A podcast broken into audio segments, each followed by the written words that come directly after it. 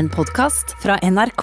Johan H. Andresen er en av landets rikeste menn, en ivrig tvitrer, tegneserieleser og fluefisker. Han er eier og styreleder i Ferd og leder for Etikkrådet for oljefondet. Han drives av å gjøre en forskjell, gjerne ved å modernisere velferdsstaten, eller å se verdien i det å ta livet med ro. Helst sammen med sin tvillingsjel, hunden Lucky. Dette er Drivkraft med Vegard Larsen i NRK P2. Johan H. Andresen, varmt velkommen hit til Drivkraft. Tusen takk skal du ha. Egentlig så er det du som burde ønske velkommen, tenker jeg. Det er snart ditt hus. Eh, ja, det er jo et hus med mye følelser i, så jeg er ydmyk for å uh, være med å overta det og drive det videre. Jeg, jeg vet ikke om det stemmer, men jeg leste et sted at du sa at hvis ikke du hadde gjort det du gjør i dag, så kunne du godt tenke deg å være radiomann. Ja, har jeg sagt det? Ja, det, det? Jeg tror det ligger nærmere enn det å være forretningsmann. Uh, ja. vel? Ja, ja, ja. Så, um, ja. så, det er klart at uh, det blir jo noen, kanskje, det blir noen studioer igjen her som jeg kanskje man kan uh, ha litt fri dressur i. Det er mange uh, av hva skal man si, kollegene dine som driver med sånne podkaster. Ja. Ikke vært inne på tanken? Ja, ikke en egen. jeg deltar i andres av og til. Ja. Men nei. Det blir, som, det blir bare én greie til, én deadline til og én ja. Så jeg kunne jo Jeg har vært inne på tanken, men uh, nei, ikke ennå. Hva, hva, er det med radiomediet? Er det det å intervjue mennesker? Hva ville du gjort? Uh, nei, altså Jeg liker jo det der, og jeg tror jeg er mer kreativ enn jeg er analytisk. Sånn at jeg, jeg tror jeg ville være flinkere til å følge opp en morsom uttalelse eller et eller annet som ble sagt, enn jeg ville være til å måte finne noe feil ved det. Og ta det i en retning som gjorde at man åpner seg opp, viser en annen del av sin personlighet.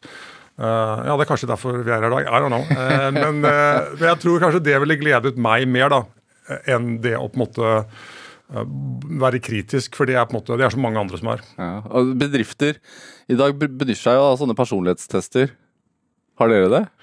det er klart at Noen av våre rekrutterere bruker det. Vi legger ikke så veldig mye eller jeg legger ikke mye vekt på det, faktisk. Um, men det er, klart, det er kanskje en del av silingen innledningsvis. Men har, du har ikke tatt en sånn test selv? Uh, jeg kan ikke huske Ja, det var en som het Jo, for lenge, lenge siden, men uh, si, si, Jeg hva mener siden du sier at du er mer kreativ enn analytisk? Jo, jeg, jeg tror den sa at jeg ikke var liksom, den tradisjonelle leder. Um, jeg hadde ikke de skal vi si, alle de egenskapene som en kanskje sånn klassisk sånn post uh, annen verdenskrig-type leder skulle ha, i henhold til amerikanske tankeganger. da. Eh, hvordan er den lederen? Nei, det var, jeg tror Dette var en test som ble utviklet faktisk ironisk nok i forbindelse med at kvinner ble rekruttert til eh, jobber som menn tradisjonelt hadde under annen verdenskrig i USA. For menn, gutta var andre steder. Og da laget man noen som man trodde var karakteristika for, for liksom den klassiske lederen. Eh, men jeg er jo litt sånn ydmyk, og jeg tror Eller ikke, ikke ydmyk, kanskje, men jeg tror at det er faktisk en del andre uh, kvaliteter, da, som grunnleggende verdier, kanskje mer enn teknikker og helt sånn spesifikk erfaring, som kan, som kan drive en organisasjon fremover. Og som kan tiltrekke seg mennesker uh, som jobber bedre sammen, og som ikke nødvendigvis ville skåret likt på den der testen. Um, så Um, men at, de, at de, mange av de, som jeg, sier, som jeg, har sagt mange ganger tidligere også, at jeg rekrutterer bare folk som er, som er bedre enn meg. Uh, ja, det er lett for han å si. uh, men, men, det er faktisk uh, riktig. Når du på en måte blir født inn i en stilling, på en måte, så er det en nødvendighet. Uh, tror jeg. Hvorfor det? Jo, for ellers så tror jeg man går, går på trynet, rett og slett. Og det, og det gjør jo en del familiebedrifter hvor man ikke klarer å fornye seg selv, hvor man rett og slett blir på en måte for avhengig av kanskje én person som ikke er så genial som, uh, som en av foreldrene som gikk foran. Um, som jeg sier litt sånn sleivete at altså Berkshire Hathaway, da, som ledes av Warren Buffett, som liksom kalles oraklet. Uh, og jeg sier at vi ligner litt på Berkshire Hathaway, men det er ikke noe orakel her. Um, så det er, Du må ikke tro at, at, det er jeg som har svarene. Um, vi har på en måte Kollektivt så kommer vi frem til gode, uh, gode spørsmål og forhåpentlig gode svar. Men du finner ikke hos meg alltid. altså. De kan finne noe av de kreative innspillene. Eh, løsningene og initiativene. De kan komme fra meg. Så, de, som for eksempel? Mm, ja, altså dette med mm, ambisjonen om å bidra til en fornying av modernisering av velferdsstaten gjennom å eh, skalere sosiale entreprenører, det er min idé. Og det er en god idé, syns jeg. Det er, en er jækla god idé. Og det har vi forutsetninger for å gjøre. Altså, Vi er et system som måtte får gode løsninger gjennom små organisasjoner til å bli kjent og brukt og spredt uh, av mange. Uh, og det er akkurat det velferdsstaten trenger. Den er uh, vi har jo en av de beste velferdsstater i verden, men det betyr jo ikke at den ikke kan bli bedre. og vi vet jo at det er mange som er, faller utenfor i dag. Um, så at inkludering er på en måte en av våre viktigste ord. Hva er det som gjør at uh, folk som er utafor, blir inkludert? Enten de kommer hit uh, nylig fordi de er, har en flyktningsituasjon, eller de har ungdom som har trøbbel i hjemmet, og som har vært litt i kontakt med både rusomsorg og politi og greier. eller det kan være eldre som, er, som har begynnende demens, f.eks. Sånn at og alle de løsningene er eh, ikke opplagte at velferdsstaten allerede har. Eh, akkurat som Telenor har ikke alle teknologiske løsninger som skal til for å drive et bra eh, tele- eller datanett. De kjøper inn innovasjoner kontinuerlig, og det burde også velferdsstaten gjøre i mye større grad enn å tro at det liksom er en reform hvert liksom 15. eller 20. år som skal liksom Wow! Da løste vi liksom alt. Men er det de uh, verktøyene og, og er det, er det, det disse sosialentreprenøren, altså selskapene som, som dere eh, investerer i, sosiale entreprenørskap-selskapene, ja. eh, hva, hva, kaller dere det? Ja, Vi kaller de sosiale entreprenører. Ja. Er, og det er jo er, veldig er, forskjellig. Ja. Jeg skal bare ta noen eksempler. Den klassiske er kanskje den med konsulentene som bare ansetter folk med Asperger syndrom. Mm. Uh, og Det er en kommersiell virksomhet. Og I den andre enden så har du noe så rart som noe som heter Forandringsfabrikken, som har gitt barn i barnevernet. Unikus heter den. Ja, Unikus heter den første. Ja. Uh, og Forandringsfabrikken heter den andre. Og da, De har da gitt barn i barnevernet en røst som de åpenbart uh, skulle hatt. Uh, Uh, og de har, til og med, du, de har til og med gjort noe som er utrolig kult. Uh, jeg kan ikke ta det helt på, på min kappe. Uh, men det er, de har faktisk klart å få inn en, et nytt ord i norsk lov. Tenk deg den tjukke boka som står i hylla en del steder. Det er et ord som er der, som ikke var der før. altså som Vi har holdt på med det i over 200 år. Uh, og de har fått inn et nytt ord, og det ordet er kjærlighet. Lovfestet kjærlighet? Lovfestet kjærlighet. At barna har rett på kjærlighet. Det, altså Ikke bare kjærlighet, naturligvis, men en del andre ting også. Men det må inngå i det arbeidet som uh, de i barnevernet uh, gjør. Uh, de må ta med seg det at barna trenger kjærlighet. Altså, for de tar det jo faktisk ut av familien med, med de beste hensikter. Men likevel, uh, man må ikke glemme det at barna også trenger kjærlighet. Så det, det, skulle ikke være nødvendig å lovfeste det. Er, du mer stolt av det? Uh, at, at, Forandringsfabrikken får inn ordet kjærlighet til i, i, i loven, enn at f.eks. Uh, oljeselskapet Aibel, som du vel eier en del av, for en enorm uh, drillejobb, eller uh... ja, ja, og nei, holdt jeg på å si. Vi har, vi har nok jobbet mer for at Able bl.a. skal få disse store vindkontraktene, som vi nå er veldig stolte av at de har, og som er, gjør det mye mindre sårbare enn andre som er, har bare oljeprosjekter i sin portefølje. så jeg snakker egentlig like varmt om begge. Uh, men jeg kan liksom ikke ta um, Jeg kan ikke ta æren alene for noen av dem. Nei. Men jeg kan jo si at vi har vært veldig bidragsytende og innimellom kritiske til utviklingen av begge. Uh, og det er kanskje noe av gleden ved å på en måte ja, Og det er noe som da driver meg. da, Det å på en måte kunne være um, ikke bare nyttig, men også kanskje avgjørende nyttig på enkelte tidspunkter i en bedrifts eh, eller organisasjons liv. Man virkelig føler at man gjør en kjempeforskjell. Dette er Drivkraft med Vegard Larsen i NRK P2.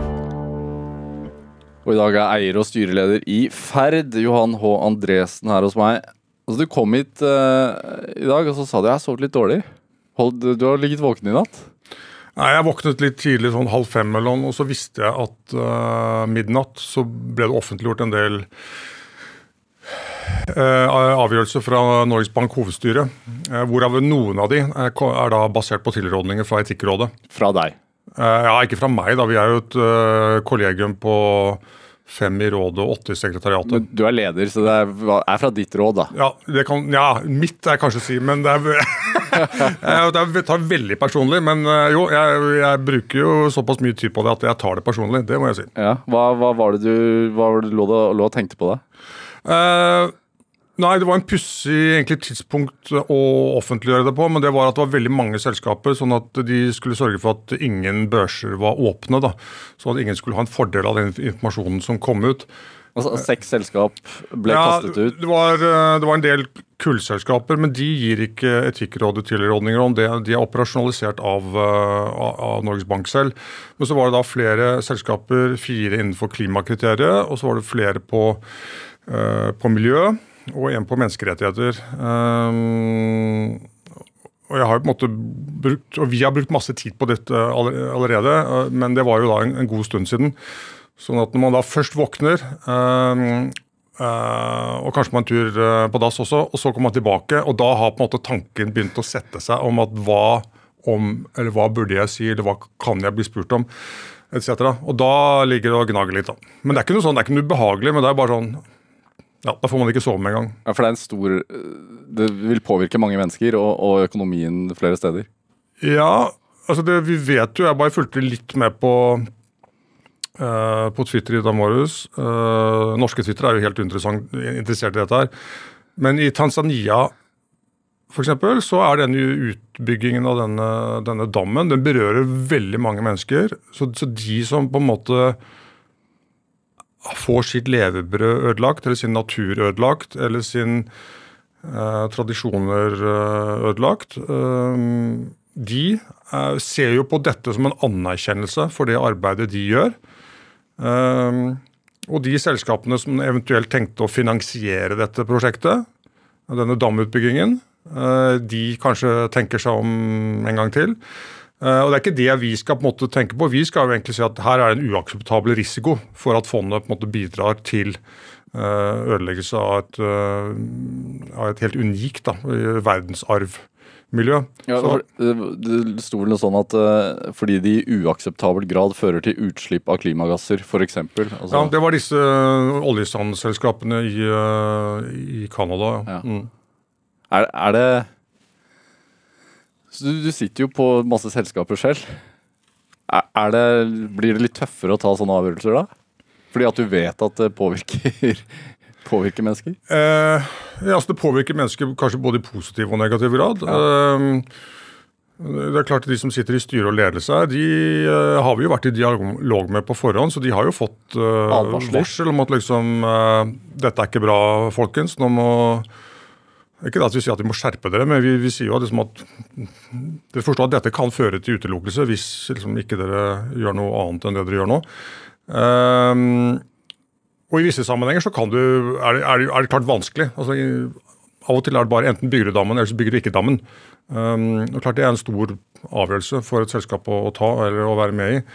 Um, men det er også bl.a. for urfolk, som denne saken i dag, uh, som er en annen dam i, i, i Brasil. Det er klart at det har enorm effekt på ikke bare ut, ut, de folkene, de 20 000 som bor langs elvebredden og får eh, sitt livsgrunnlag eh, og kultur ødelagt, men det har også en effekt på alle andre urfolk som sier at oi, det er faktisk noen som legger merke til oss. Det er noen som, som bryr seg, eh, og som tar, eh, ivaretar våre jeg vil ikke si våre rettigheter, men de i hvert fall er oppmerksom på at vi er eh, våre si, Menneskerettighetene er en del av urfolksrettighetene. og Det er ikke alltid vi er så tydelige på det, uh, men det er ganske tydelig i den, uh, den brasilianske saken her. da. Sånn at, og Det er alt, noe som alt fra sametingspresidenter til andre syns er bra. så Sånn sett så er vi ja, Det er litt utover kanskje mandatet vårt liksom å påvirke folk i Men det er noe med motivasjonen om å være stolt av, av oljefondet sitt, da, Ja. tror jeg. Er, det et tydelig tegn på at, at oljefondet beveger seg mot en mer miljøvennlig retning generelt? Um, det, ikke fondet Konkret sett, det, er, skal, det skal jo ikke være et politisk virkemiddel. Som Erna så har sagt. Ja, og det, vi forholder oss da til retningslinjene våre. Og, og, i den grad de på en måte sier noe om miljø, så effektuerer vi det, naturligvis. Selv om terskelen for å bli utelukket er høy. Ja. Har du forandret altså, noe i dine egne selskap etter at du fikk den jobben? Eh, jeg tror nok jeg har blitt mer oppmerksom på hva vi burde gjøre og ikke gjøre. Um, det er jo noen problemstillinger rundt dette med å rekruttere migrantarbeidere f.eks. Og sette de i en vanskelig posisjon ved at du, måte, de må sette seg i gjeld før de får jobben. Og når de får jobben, så får de ikke betalt det de ble lovet. Sånne forhold det, det, var ikke jeg egentlig klar over at det var hvor hvor, uh, hvor, mye det fantes av den praksisen. Hvilket selskap var det, da? Uh, altså Det er et selskap som, som er utelukket fra, fra, fondet. Det er et stort sikkerhetsselskap uh, som har over en halv million ansatte. Men, men, det ikke, men, dette er jo en praksis som, som, som, våre selskaper også kunne bli utsatt for da, gjennom folk de bruker til å rekruttere. sånn at dette, jeg, sånn, jeg var ikke klar over at dette var en risiko. da. Er det, er det, vanskelig altså når, man, når, det er selskaper i, hva skal man si, verden, som opererer i alle verdenshjørner? Ja, det ja, det er jo egentlig en uh, Sisyfos-oppgave. Den tar jo aldri slutt. Nei. Men den er jo Har man agenter på bakken? Hvordan fungerer dette her? Ja, uh, vi sender jo ut folk, da. Uh, og av og til til ja, deler som, av, av, av, verden som folk stort sett ikke drar til, sånn som Lesotho, som er et fjelland i, i uh, syd i Afrika. Um, hvor det viste seg da at uh, Dette var på bakgrunn av at vi gjorde en undersøkelse i Taiwan. Om, eller ikke i Taiwan, men et taiwanesisk selskap som hadde tekstilproduksjon i Sørøst-Asia. og så hadde de også en fabrikk i Lesotho. Um, og der viste det seg da når vi gjorde den undersøkelsen, det var litt sånn på en hunch det var faktisk litt sånn at Jeg hadde litt lyst til å dra til Lesotho, for der har de faktisk fluefiske. De har faktisk, de faktisk ørret De har faktisk ørret i fjellene.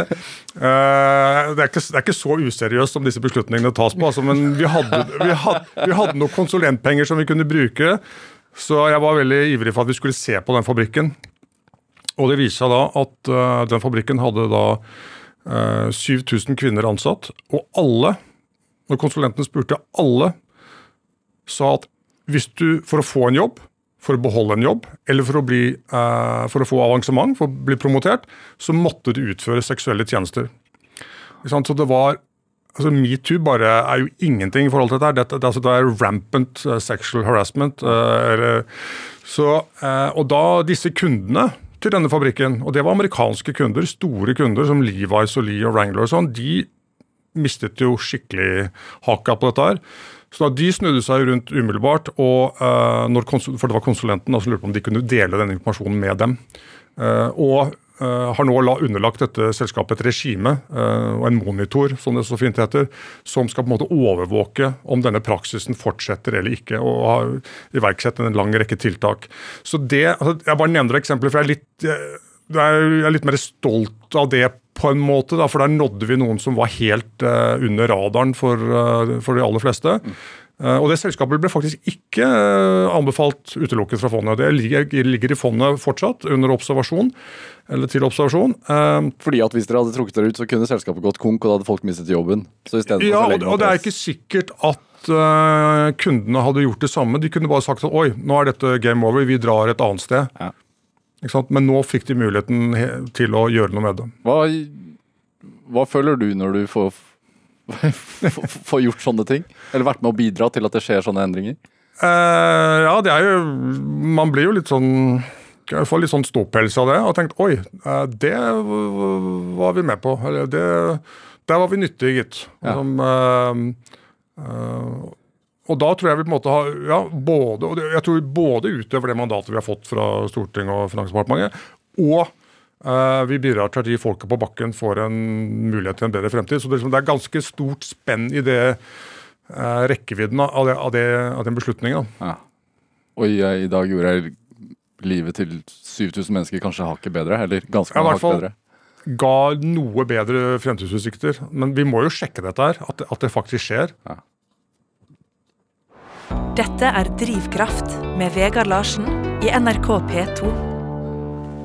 Og i dag så er eier og styreleder i Ferd, Johan H. Andresen, her hos meg. Altså, I dag er du her, eh, men hvordan er en typisk eh, dag for deg? Jeg leste et sted at du for en del år siden brukte 10-12 timer på kontoret hver dag. Hvordan er, hvordan er dagen din i dag? Uh, nei, I disse mm, litt spe spesielle tider da, så er det jo er jeg ikke på kontoret så mye, for å si det forsiktig. Jeg er jo stort sett hjemme eller på et annet sted, eller på hytta. Men har du noen sånne faste ja, rutiner? Når, når, er det Ja, altså sånn Jeg er ikke førstemann på kontoret. Sånn, sånn mellom uh, Ja, sånn rundt ni-ish, uh, kanskje. Hva har du gjort før det? Eh, da har jeg jo lest eh, alle nyheter på sengen og svart på alle mailer som skal sendes liksom tidlig ut. Så egentlig så ligger jeg jo i sengen og jobber en stund, da. ja. Er, er bikkja i sengen? Eh, bare hvis jeg og den alene, bare hvis jeg og Lucky er alene hjemme. hvis, hvis, det er resten av familien eller eh, de andre hundene, så nei, da er vi delt. det er strengt, strengt regime. Strengt regime. Ja. Men, men, er det eh, du, du, sier det er spesielle dager om dagen. Eh, er det du, du, Det var nylig så sendte du ut en e-post dine ansatte ledere, hvis jeg forstår det sånn? Eller sånn de 50, hva er det de 50 nærmest i ferd, eller var det flere som fikk den? For den ble lagt ut på LinkedIn eller et eller annet sånt sted også? Ja, det var uh, både til styre og ledelse i de elleve operative selskapene som vi på en måte ja, ja. har kontrollerende eierinteresser i. Og ganske sånn, altså Du beskrev koronakrisen som vår tids kamp. Eh, du skrev sånn Der alt står på spill. Verdensorden, tillit, mental helse, pensjoner, handel, faren din, barn i skjøre hjem, demokratiet, handel, stabilitet. Alt står på spill, skrev du i e-posten. Ja, og det mm, mener jeg faktisk. Og vi er på en måte Vi er ikke Vi er langt uh, vi, er, vi, er, godt inne i tunnelen fortsatt. Og det er, uh, og det er ja, det er jo veldig usikkert når vi på en måte kommer ut av den på en ordentlig måte, og hvordan. Hva tenker du da? Ja, Det syns jeg er ekstremt vanskelig å vite. Det er jo veldig mange som spør meg om akkurat det. og det er, Du kan legge noen forutsetninger til grunn. En er jo dette med vaksine, ikke vaksine. Når kommer den, hvor god er den, hvor lett tilgjengelig er den. Det er en, tror jeg, en avgjørende ting for at det skal på en måte bli ja, At man skal på en måte legge, at man skal komme tilbake til den gamle normalen. da. Og Så finnes det kanskje en ny normal som er sånn at vi må omgås forskjellig ganske lenge. Uh, vi kommer til å reise kanskje kortere, mer regionalt. Uh, og på andre måter. Uh, og kanskje vi også kommer til å tenke at det var jo faktisk noe av denne perioden som var ok. Som for eksempel? Altså, det var noe med på en måte å nå er ikke jeg den som hadde tøffest hjemmekontor med hjemmeskole og noen syke partnere og sånn. For, for, det var De hadde det kjempetøft og har, det, og har, har det fortsatt tøft. Men det er noe med det der å Så bortsett fra at Fjordline har stått, så har du egentlig hatt det ganske bra? Ja, Det suger jo litt, naturligvis. For det, det, der renger pengene fort ut når ferge ligger i kai. Men, um, men, vi håper jo at de kommer i, i, gang igjen, da, og kanskje at vi får reise interskandinavisk raskere enn alle steder. Um, men det kan godt hende at f.eks. dette med nær, nærturisme, eller nærtur, nå skal ikke drive for mye reklame her, men vi selger jo telt, da. Ikke sant? jeg, kan, ikke leve av å være på radioen. Helsport er en, av våre bedrifter. Um, og de er veldig glad for å selge både telt og soveposer. Og, og det, det, tror jeg vi kan gjøre mer av. Altså, er, nå er det jo litt sånn, Noen er urolige for at det blir for mye trafikk i fjellet. Ja, men er, vi har ganske bra med fjell. altså Hvis ikke alle går etter hverandre, så skulle dette gå fint. Um, så der tror jeg det finnes en måte å roe det litt ned på. Og så tror jeg det også finnes en, uh, en tanke om at vi kan bruke ting om igjen.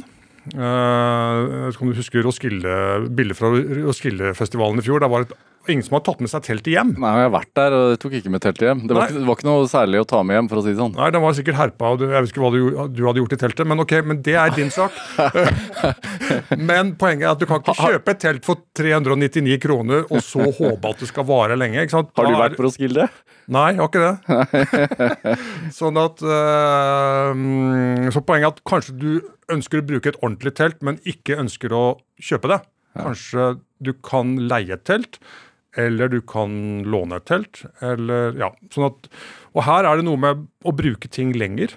Uh, og gjenbruke ting og reparere ting, som jeg tror en del har fått øynene opp for. Jeg merker du blir engasjert når du prater om telt, så, og da flytter du deg nærmere mikrofonen eh, enn det, enn det du bør, eh, Ok, Andresen. Så ja. litt, litt, litt litt tilbake. Det okay, er- Telt vekker gode eh, minner, merker jeg. Ja, ja, ja telt er Det er jo Både innenfor og utenfor teltet vekker gode minner. Hvor, hvor mange døgn i året er bos i telt? Nei, Nå er det jo ganske få, da. Men eh, da jeg gikk på befalsskolen, så tror jeg da hadde vi norgesrekord i antall utedøgn. Da tror jeg var 42 utedøgn i løpet av de eh, elleve månedene. Sånn at eh, Så det var en stund jeg hadde nok av telt. Men til slutt så måtte jeg jo kjøpe et, et teltselskap, da. For jeg syns det er, det er en Ja, uteliv er viktig. Hvorfor, det er, hvorfor er det viktig for deg? Jo, det er noe med den ja, Dette er ikke spesielt for meg, tror jeg, men det er noe med den der roen. Den derre å Jeg vil ikke stikke av, øh, men det å ja, jeg er faktisk blitt litt sånn slave av disse skjermene. må jeg innrømme, at det er, Man skal liksom holde seg oppdatert til den, og noen spør og graver om alt mulig rart. Sånn at øh, det å på en måte være utafor rekkevidde, og liksom være off the grid, som du sier Når man snakker om det internasjonalt, så er det sånn Oh, you're off the grid. Liksom, det er litt sånn misunnelse i stemmen. Uh, og det er en verdi som jeg tror uh, blir mer og mer viktig. altså. Men skrur du av mobilen, da? Eh, ja, Problemet er at nå er jo den blitt kamera, da. Så, så Det er jo litt sånn bedriten. sånn at Plutselig så tikker inn en melding likevel. Men da gjelder det å ha den på, på flymodus. da. Uh, men ja, problemet er at man har jo med seg mobilen. Uh, så Men, men altså, er jo, du er jo en ivrig eh, fluefisker. Uh, ivrig jaktmann. Uh, hva er det hva, altså Du sier jo det å komme seg ut og sånne ting, men, men å stå og, og kaste flue i mange timer Kan du, fortelle, kan, du, fortelle, kan du fortelle meg hva det gir deg? Uh, ja, altså folk fisker jo av forskjellige årsaker. Noen fisker for å få fisk. Andre fisker for å fiske. Og noen fisker for å Jeg tror det ligner mer på meditasjon og yoga, selv om det har jeg ikke forsøkt. eh, for det er jo litt sånn myggfritt, så det er ikke så interessant. Eh, men, eh, men det er noe med det der Myggfritt, ja. ja, det, er, så det er noe med å utforske, utfordre elementene litt. da. Ja. Eh, og på en måte overvinne vind og kratt og mygg og, eh, og fisken, naturligvis. Og på en måte lure den. Så det er, det er kanskje en slags urinstinkt om at ja, jeg hadde klart å overleve hvis det liksom Og jeg hadde klart å fø min familie hvis det var eh, Hvis det virkelig ble knipent, liksom. Så Og det er Ja, det er bare Eller uten milliarder på bok, si. Ja, Ja. det nemlig. For det, det vet man ikke hvor uh, lenge man har. Så det, og det er jo ikke egentlig nødvendig heller. Men, men har du din egen lakseelv? Nei. Nei. Du kunne hatt. Ja, jeg er ikke så ivrig etter uh, laks faktisk som jeg er etter andre arter. Uh, Ørret, hva er det som er hva? Ja, ørret, sjøørret, havabbor. Um, ting som du virkelig må lure, da. Laksen kan du på en måte erte til å ta. Men, de andre artene spiser jo, så de må du faktisk ta på deres premisser. Og det, det måtte utfordre meg mer. Hvor er det, hvor er det det beste stedet å, å dra og fiske? Uh, ja, det, er sånn, det er jo ingen fluefisker som vil fortelle deg. det er liksom hele poenget, for da er det ikke lenger det beste stedet. Nei, Men binder du egne fluer? Nei, det gjør jeg ikke. Så, men har, jeg har et gudbarn som binder, så det er nesten like bra. Dette er Drivkraft med Vegard Larsen i NRK P2.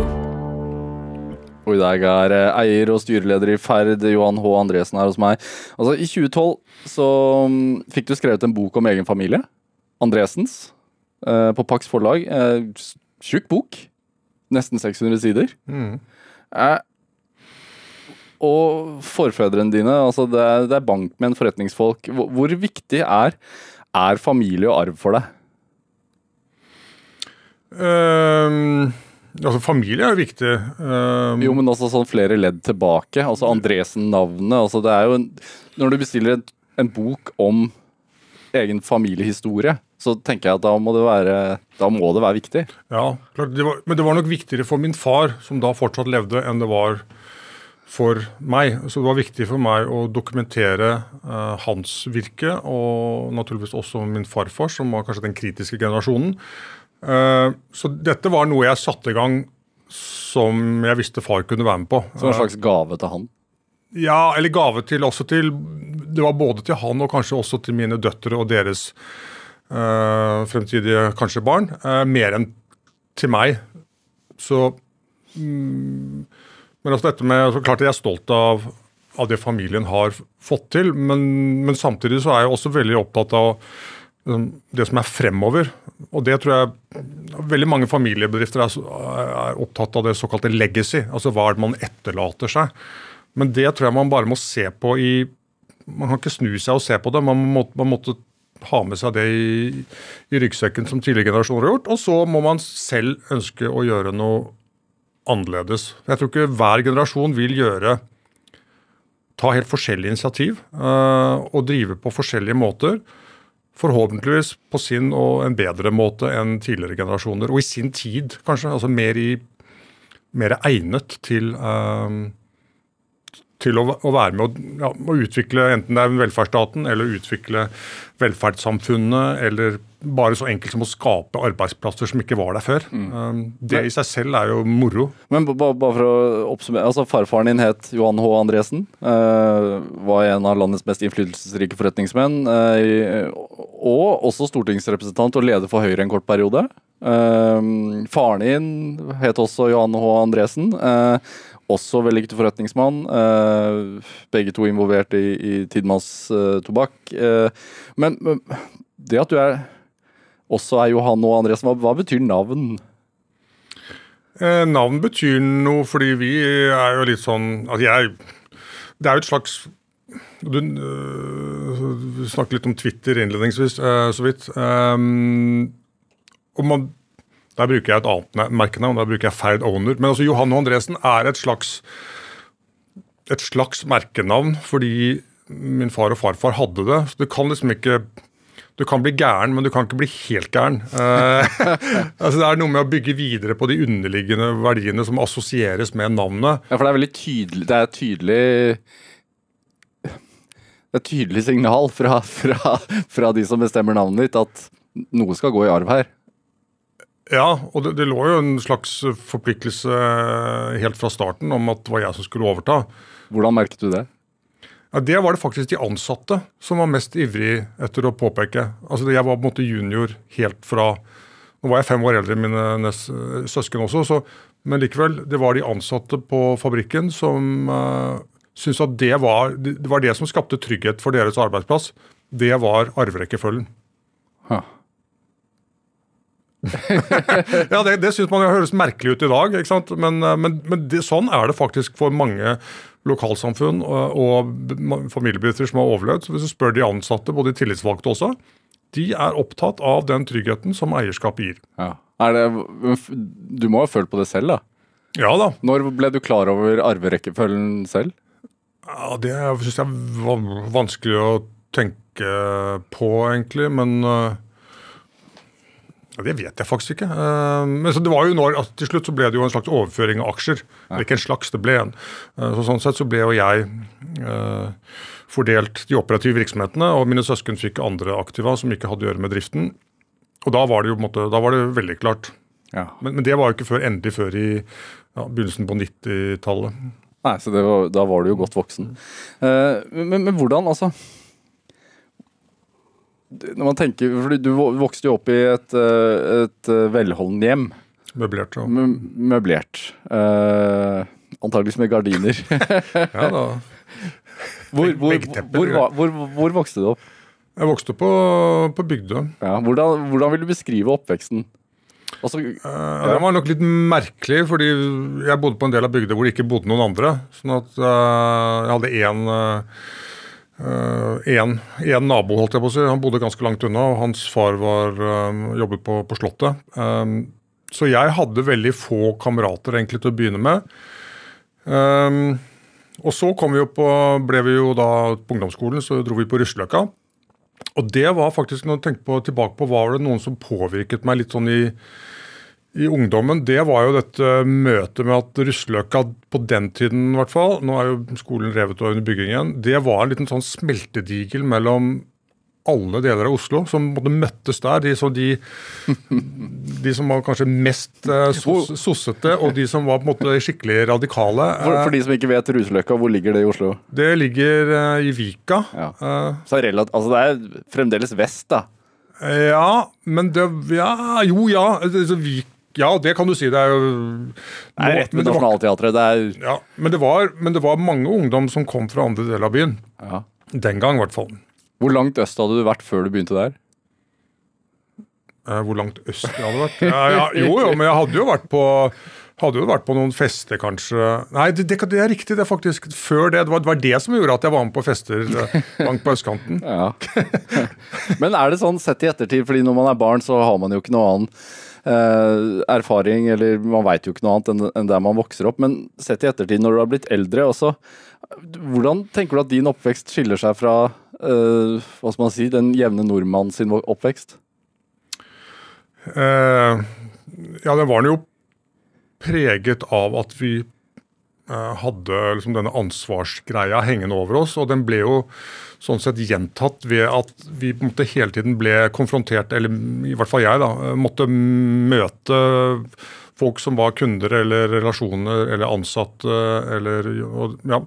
Ehm, og så ble vi jo også vi var jo også veldig klar over at vi hadde jo en del fine steder å dra til. Liksom, som min farfar da hadde kjøpt eh, rett før krigen. Sånn at, eh, og Dette var jo hytter som var åpenbart større enn andres hytter. Det var jo klart, for jeg var jo med noen andre og, og det, ja, her, var det, her var det ikke så stort. Eh, sånn at, eh, men jeg tenkte jo ikke så mye over det. Men vi ble jo klar over at vi var ekstremt privilegerte. Eh, og sånn sett så holdt vi en veldig lav profil. Altså jeg tror jeg var sistemann som fikk sykkel, og sistemann som fikk slalåmutstyr. Og, og det var noe som de, foreldrene mine bare Jeg tror de moret seg over det i etterkant. Men det, men det var liksom noe av greia. Og du fikk jo aldri den der skinnsekken som andre hadde på skolen og alt det der. Det var ikke snakk om. Uh, det var ikke noe å diskutere. Det var bare nei. Jeg hørte at du måtte plukke løvetann for å få til en tier, f.eks. Jeg måtte ikke. Det var en dum avtale jeg gikk inn på selv. Så, for da var liksom ett øre per løvetann, å og ikke skjønne at uh, den skulle opp med roten, og eh, ikke skjønne hvor lang tid det tok faktisk å, å, å få ti kroner. Da, ikke sant? Det er jo 1000 stykker, sånn at det blir jo eh, det blir jo en lang ettermiddag, for å si det sånn. Ja. Jeg har eh, hatt noen gjester her hvor vi har pratet om, om barndom og oppvekst og hvor man er fra. At det er veldig viktig eh, og blir viktigere jo eldre man blir. Altså, det er, Står barndomshjemmet der ennå? Ja, Ja. Eier du det i dag? ja. Ja. Bor du der? Nei, min mor bor der. Ja. Så det er fremdeles eh, nært. Absolutt. Og det, det eh, viser det Tenker du over det ofte? Altså hvem, hvem du er i forhold til dine handlinger? Altså jeg tenker på sånn som Ferd, som har veldig fine verdier uh, i bedriftssloganet sitt. Ja. Jeg husker ikke jeg ordrett hva de er, men Troverdighet, eventyrlyst, lagspill og langsiktighet. ja, er det noe du har med deg derfra? Ja, jeg tror Ja, det, ja, det tror jeg absolutt. Um, vi har kanskje formulert det på litt andre måter enn det tidligere generasjoner har gjort. Ja. Men ja, det, det må jo komme fra et eller annet sted. Men klart, det, dette har vi jo også snekret litt sammen på uh, den gang liksom før ferd. Så det, dette er også et sånn lag, uh, dette er et lagspill i seg selv. Ja.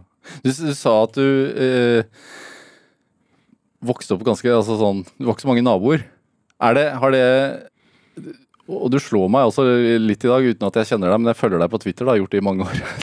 Det, slår meg som om du er en mann som liker og Du trenger ikke å ha så mange rundt deg. Nei, egentlig ikke. Så, så denne siste par månedene er liksom helt er ikke, har ikke vært så viktig for meg som det har vært kanskje for andre, andre å omgås. Nei, så jeg, jeg er nok en litt sånn særing. Eh, Det var en direktør på fabrikken som ga meg 10 000 frimerker å sortere, husker jeg. Og det holdt jeg jo på med i lenge, lenge. Som barn? Eh, Ja. Ja. Um, så Ja, nei, men det å også dra på fisketur alene og sånn, det Jeg gjør fortsatt det, men jeg må innrømme at etter hvert som man blir litt grann eldre, så, så har man liksom gjort ganske mange ting. Så nå er det jo også hyggelig å dele det. Det er det. Uh, Men jeg er fortsatt en uh, det, det er det sikkert noen som fortsatt vil si at jeg er sær. Hvordan da? Jeg, jeg vet ikke. Uh, man har både kanskje vaner og uvaner. Uh, um, ja, hvordan da, egentlig? Nei, men det er vel det at jeg på en måte Ja, også at jeg er litt sånn Ikke, ikke sær, sær, sær, men også litt sånn kreativ gæren-sær. og det er, altså på måte, å, teste ut liksom hva, hva, kan, hva kunne på en måte folk vært interessert i på Twitter eller andre steder. Uh, og jeg har fortsatt noen uh, ting på lur som jeg ikke har offentliggjort ennå. Som, som, som, for eksempel? Nei, det kommer Dette er ikke. et godt øyeblikk. Ja, det, ja, det kunne vært et kjempegodt øyeblikk. Uh, men jeg har Kom igjen! nei, men jeg har lovet jeg, Ja, dette er noe jeg snekret sammen over litt tid, som, blir, som blir, blir, skikkelig kult. Um, og som kommer helt uventet. nei. jo, ja, jeg vet at ja, du skulle fått det her og nå. Men, nei, men det Ja. Alt i sin tid. Hvis jeg venter ja. lenge nok med å stille et nytt spørsmål, kommer ja. det da? eller? Ja, ja, Men apropos særhet, nei, jeg er litt sær, jeg sier ikke. men det kommer poesi da fra Twitter-kontoene dine innimellom. Det gjør det. Noe kommer der, ja. Jeg tenker sånn, Når man tar over et familieselskap Du tok over i 93, du grunnla Ferd i 2001. Altså siden man er født inn i penger, som det du var, da, og, og, siden dette programmet handler om drivkraft Du hadde jo ikke trengt å jobbe en dag i ditt liv, egentlig. Uh, og det er jo mange som tenker sånn Hvis jeg vinner i Lotto, da skal jeg ikke jobbe en dag i mitt liv. Hvorfor, Hva er det som driver deg til å jobbe 10-12 timer hver dag? Uh, det som driver meg, det er at de ressursene som jeg har fått tilgang til, og for så vidt vært med på også det, skapt en del, de kan jeg gjøre bruk av på områder som vanlige bedrifter ikke kan. Um, så vi kan ta initiativ, vi kan kjøpe selskaper, og vi kan også utvikle ja, en strategi for sosiale entreprenører. Vi kan også være med å sørge for at migrasjonen mellom Masamara og Serengeti ikke stopper. Eh, vi kan også være med å lage en eh, såkalt eh, utviklingskontrakt for flyktninger i Libanon og Jordan. Altså Vi kan gjøre ting som du, altså Hydro eller uh, Statoil eller Equinor kan ikke gjøre det, fordi de er både bundet av et slags mandat. så det, liksom, det skal noen andre gjøre med. Men jeg ønsket å lage en bedrift som kunne engasjere seg bredt i samfunnet og også delvis uh, globalt. og Det har vi gjort gjennom mikrofinans, hvor vi når uh, nesten 10 millioner uh, mennesker. 90% kvinner. Og det der å få til sånne ting, det gir meg skikkelig boost, og da vil jeg få til mer. Det er, sånn, det er en liten drøgg, en liten sånn som jeg bare må ha mer av. og mye mer enn det enn mer penger på konto, selv om det er viktig for å holde bedriften i gang og utvikle de. Men, um, men jeg er mer kreativ på disse andre områdene hvor bedriften kan være aktiv. og Vi snakker ikke om filantropi her, vi snakker i mange, de aller fleste tilfellene om faktisk forretningsutvikling av kall det sosiale, innovative konsepter. Så det skal gi avkastning? Ja, eh, men det, ikke, det, gir jo ikke sånn superavkastning. Sånn du, måte, altså, det er ikke avkastning som er først. Det er på en måte impact først. Eh, og Det er en stor forskjell. altså Den sosiale eller miljøeffekten først, og så beskytter man kapitalen. og Forhåpentligvis så får man også en avkastning på den. Hva hadde, hva hadde faren din sagt om retningen? Jeg tror faktisk han hadde vært stolt. Ja. Jeg tror det. er det viktig? Eh, ja, for da varetar jeg både, både fortiden og fornyer firmaet for fremtiden. og det tror jeg han, Hvis han hadde, hvis jeg hadde kjørt en copy-paste på han, så tror jeg han hadde vært sånn Ja, det er greit. Men det hadde ikke vært, han hadde ikke vært stolt av meg for det. Nei. er det Drives man av å, av å, gjøre sine forfedre stolt, eller har du blitt drevet av det? Mm, ja, det tror jeg alle, alle, barn vil gjøre sine foreldre stolte. Det tror jeg på en måte sånn, jeg tror ikke det er Enten man innrømmer det eller ikke. Um, så ja, det tror jeg. Men det er ikke sånn at, man, at det er det eneste som driver en. Um, det burde det ikke være, for da kan man kan ha foreldre som er på en måte psykopater og øksemordere og sånn. Det er ikke noe bra. Sånn at um, Det må jo være bra foreldre, liksom, men for å drive en i riktig retning. Ja. Er det, så Jeg leste at du har sagt en gang at du ikke ser på deg selv som rik. Er det en uting å tenke på seg selv som rik, hvis man jo per def er det? Det er ute, altså man, Blir man lat? Kan man bli lat av man det? kan, ja, man kan åpenbart bli lat av å være rik. Det er ikke noe Altså, man kan, jeg har et sånt skilt som jeg kan henge på døra. 'Gone fishing'. Altså, Jeg kunne hengt det på døra. Mange som spør men hvorfor fisker du ikke mer. Ja. Liksom, øh, jo, altså, jeg kan bare Men det er morsomt å fiske innimellom. Men så må jeg gjøre være med på disse andre tingene og bidra der jeg kan, øh, hvor jeg føler meg nyttig. Ellers så ville jeg kjeda ræva av meg. Selv med fiske hele tiden. Jeg tror ikke jeg hadde klart det. Nei. Det er jo tross alt Hvor mye fiske kan du gjøre på isen? Da må du jo dra Pokkervoll. ikke sant? Du kan ikke fluefiske på isen. Det er sånn kaste på ett lite hull. Det er jo kjedelig. Kan dra et annet sted, da. Ja, kan dra et annet sted. Til New Zealand eller noe. Ja, det, det- I forhold til det å dra et annet sted altså Under, under uh, Economic World Economic Forum i Davos i, i fjor, var det vel, da Greta Thunberg var der, så Veldig mange fløy jo inn da med sine privatfly. Du gjorde ikke det. Jeg har, jeg har ikke det. Du har ikke privatfly. Nei. Hvorfor, eh, hvorfor ikke? Eh, jeg har ikke bruk for det. Nei. Men men det hender, det hender at jeg Men det ble også en sak, for du sa jo at det vil se fryktelig dårlig ut å fly inn hit med en privatfly. Ja, når på en måte eh, hovedtemaet på en måte er klima, så er det litt sånn Du skal ha en god grunn, da. Ja. Men er det viktig for deg å sende de signalene? Eh, nei, ja, først og fremst tror jeg er viktig, Dette er jo viktig i forhold til eh, mine barn. at uh, fordi jeg, Når man har et privatfly, så er det veldig vanskelig å la være å bruke det. Det, er noe, det står noe der. Sånn at, eh, og vi kan leie oss et hvis vi trenger et. Og det hender at vi gjør også. Men, eh, men det, den terskelen for å bruke et privatfly skal være høy. Altså Det skal være en god grunn til å ikke fly kommersielt. Um, Det er liksom å ha en bil i garasjen, da sykler du mindre. du gjør nok det. Ja. Men, men nå må vi sykle mer. Jeg, hadde Trygve Hegnar her for litt siden, og han snakket om nøysomhet. At han, ja, han har lånt penger én gang i livet sitt, og det var til sin første bolig, og det angrer han på den dag i dag. Eh, hva tenker du om sånt? Ja, Det er jo ganske vanlig å låne penger. Det er ganske lønnsomt å låne penger, faktisk. Og Spør Petter Stordalen om det. ja, nå tenker jeg i hvert fall for å lage bolig. Vi skal jo bygge en del boliger her på Marienlyst. Så, så, så det håper jeg at, folk, at, at lånemarkedet fungerer, slik at folk kan skaffe seg et eh, hjem her. ja. Men hvordan, er, er, hvordan ser du på det selv? Altså nøysomhet? Ja, Nøysomhet er, tror jeg er viktig. Er, man kan bare spise seg mett. og man, eh, man kan bare fiske med én fluestang av gangen. Og, liksom? Eh, Hvor mange har du?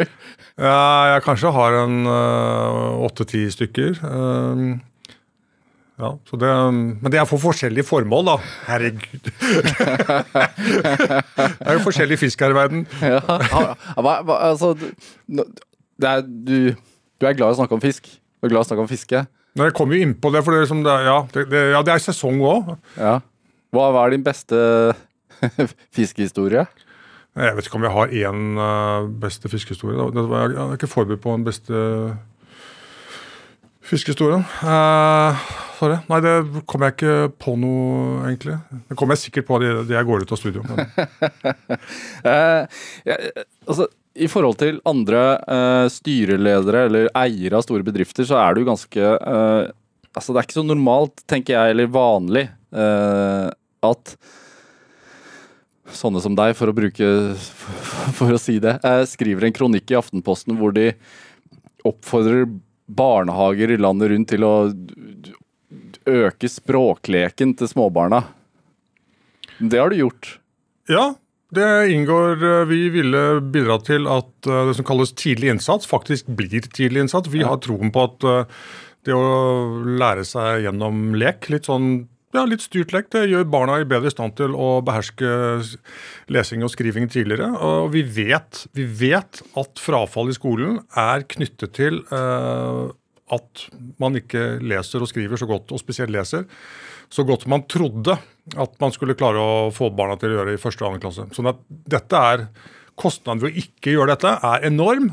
eh, Men det er også en motforestilling i deler av, av si, blant barnehagepedagoger om at dette er forferdelig å, måte, å liksom styre barna til å og, og gjennom denne leken å lære seg noe.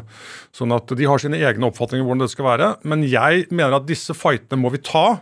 At det må, være, det må være lov å utfordre det bestående selv. eh, de som eh, lager læreplaner for, eh, for barnehager. Eh, jeg vet ikke om det finnes noe å lære på, men i hvert fall, det skal jo lekes mest mulig, og det er greit nok. eh, Men eh, det er mulig å lære. altså Det er mulig å, å, å ta ideer fra andre og prøve det, eh, mener jeg. Eh, Og dette har vært gjort eh, andre steder, så dette, dette kan vi fortsette med. Ja. For Det virker som for meg at barn og unge er ekstremt viktig for deg. Altså det det under koronakrisen så, så hørte jeg at uh, dine 50 nærmeste ansatte i Ferd uh, fikk eh, summer basert på hvor mange barn og barnebarn de hadde, så at de kunne donere penger til hver sin sportsklubb, f.eks. Ja, Ikke bare sportsklubber, men uh, ja. Ja. Og, hvorfor, og, og også disse andre firmaene vi, vi har vært innom også i forhold til sosialt entreprenørskap, altså Forandringsfabrikken eller Unicus. altså Hvorfor er det barn og unge Hvorfor kjemper du som for de? For det første, I mange tilfeller så jo, har de ikke sin egen røst. Altså de, får, de har ingen som egentlig snakker altså De har jo noen som snakker for dem, men det er veldig få som snakker for dem med kapital i ryggen og ressurser for å, for, treffe, for å gi dem den løsningen de fortjener. Um, så Sånn sett så er vi litt sånn litt annerledes der, og vi føler oss da litt mer spesielt uh, nyttige. Um, og så, så mener jeg også at barn og unge er jo den beste investeringen som fins. Altså det å på en måte bringe noen som er utenfor, innenfor til et sånt skolearbeidsløp. Nåverdien av det er 12, er 12 millioner kroner. Så hvis du vet at den løsningen du har virker, så kan du bruke 100 000, 200 på å få de eh, av gata eller tilbake liksom på, på den smale sti. Og det er kjempegod investering. Altså det er payback som du ikke ser noe annet sted i samfunnet. Eh, så, så det i seg selv er jo moro å få til. Uh, og, det, og vi regner jo litt på det. Vi forsøker jo å måle dette. Det er også kontroversielt for noen, men okay, det syns jeg er viktig å måle effekten av det man gjør. Kunne vært en god Nav-sjef. Ja, nå, oh, nei, det tror jeg faktisk Man må se innse begrensning her i verden. Men, og I tillegg så leser jeg at du er forkjemper for borgerlønn. Eh, jeg er nysgjerrig på borgerlønn. Ja. Jeg, eh, ja, jeg tvitra her forleden om at For det kommer noen resultater fra Finland som har prøvd dette her. Så ja, jeg, Og dette kunne være tiden å teste det ut, faktisk. Altså, under, liksom, Det må lages et regime for det, men det er verdt å vurdere. Man må kunne jobbe ved siden av. da. Absolutt. Ja, ja, det er jo hele poenget. Altså, du, kan straffe, du kan ikke straffe folk for å jobbe. Sosialist. Er du det? Nei, det, det tror jeg ikke jeg ville kalt meg. Nei. Men, men, men, det, men det å være våkne for nye ting, Ja. det, mm, det, det går på tvers av partier, får jeg håpe. Ja. Hvor viktig er, er det å være forkjemper for de svake og, og på den gode siden uh, for deg? Jeg, ja, altså, det, er, det er for så vidt dine ord. Ja. uh, jeg tenker at du, dere driller masse olje eller haler? ja, Ja. vi gjør sikkert ting som andre ikke liker, vi også. Eh, så dette er ikke noe sånn, dette er ikke noe avlat, men dette er fordi her er i hvert fall, liksom tilbake til hva er det som driver meg, da. Dette er ikke noe som selskapet har funnet på. Dette er noe som jeg har funnet på, og så har jeg fått med bedriften på det. Um, eh, og så har jo de etter hvert sett at dette er jo kjempebra for dem også, rekruttering av ansatte og alt sånt. Men um, så dette er, er, altså Man blir ikke rik av dette, uh, i hvert fall monetært. Men man må jo spørre seg hva er på en måte meningen med livet? Da? Hva, er det man, hva er det man får på en måte ståpels av, egentlig? Dette. Ja. Det er en stor kontrast til navnet Tobakks Andresen også, tenker jeg. Det er det. Så, men det henger litt ved. Men eh, det er noen som snakker om Ferd-Andresen nå, eller eh, sånn, det, Det, det er Verden går videre. Ja, verden går videre. Hva tenker du er meningen med livet, da? det tror jeg enhver må finne ut selv, for det, er, det skal ikke jeg sitte her og Men for deg? Eh, For meg er det egentlig å, å hele tiden finne ut om det er noe nytt jeg kunne gjort. Og et nytt, nytt område, en ny eh, gruppe, noen nye mennesker. eh, brukt kreativiteten min og bedriftenes ressurser til å gjøre en forskjell. Ja. Det er sånn, altså På din Twitter-konto, du twitrer jo ekstremt mye, så skriver du altså det er en festet tweet som er sånn The problem with the truth is that it does not get enough clicks. Det er din festede tweet helt øverst. For de som ikke er på Twitter, så betyr det at den alltid henger i ved når man kommer inn på din Twitter-side. Hvorfor står den der? Ja, for Det tror jeg er en av vår tids store problemer. og dette, Den tror jeg hang opp før uh, for, forskjellige presidenter ble valgt. Um, og, og det er i det øyeblikket vi begynner å bli mer fascinert av si, Kall det falske nyheter, kall det underholdning enn sannheten, enn fakta. da sliter vi virkelig. For, for da Vi da som ønsker å på en måte gjennomføre skal si, ting basert på liksom, analyse og pragmatisme og effekter og sånn, vi kommer til aldri til å få gjennomslag her. For det, det er bare folk som er bare interessert i vræl og overskrifter og eh, sånn. sånn at det er, det er, krevende å registrere at, liksom, at, at, det er det som er mest populært. Så der sliter jo media. Jeg, jeg, forstår at media har store utfordringer med å takle det. Ja. Uh, så det er et klikk uh, helvete der ute som rett og slett uh, man må forholde seg til. Men man kan jo også være litt lur da, i forhold til det. Altså, man kan jo på en måte lage ting som folk klikker på, og så blir de ledet inn til noe som er bra.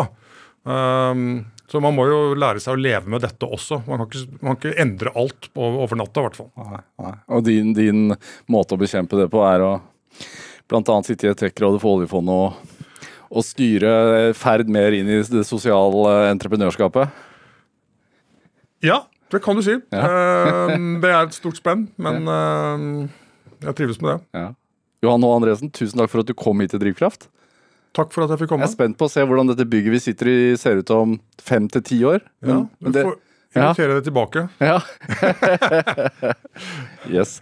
Um, produsent i dag var eh, Kjartan Aarsand. Uh, du kan høre flere uh, Drivkraftsamtaler hvis du laster ned vår podkast eller går inn på nrk.no. Send også en e-post til drivkraftalfakrøll.nrk.no hvis du har noen tilbakemeldinger til programmet, eller hvis du ønsker å ha en gjest i dette studioet.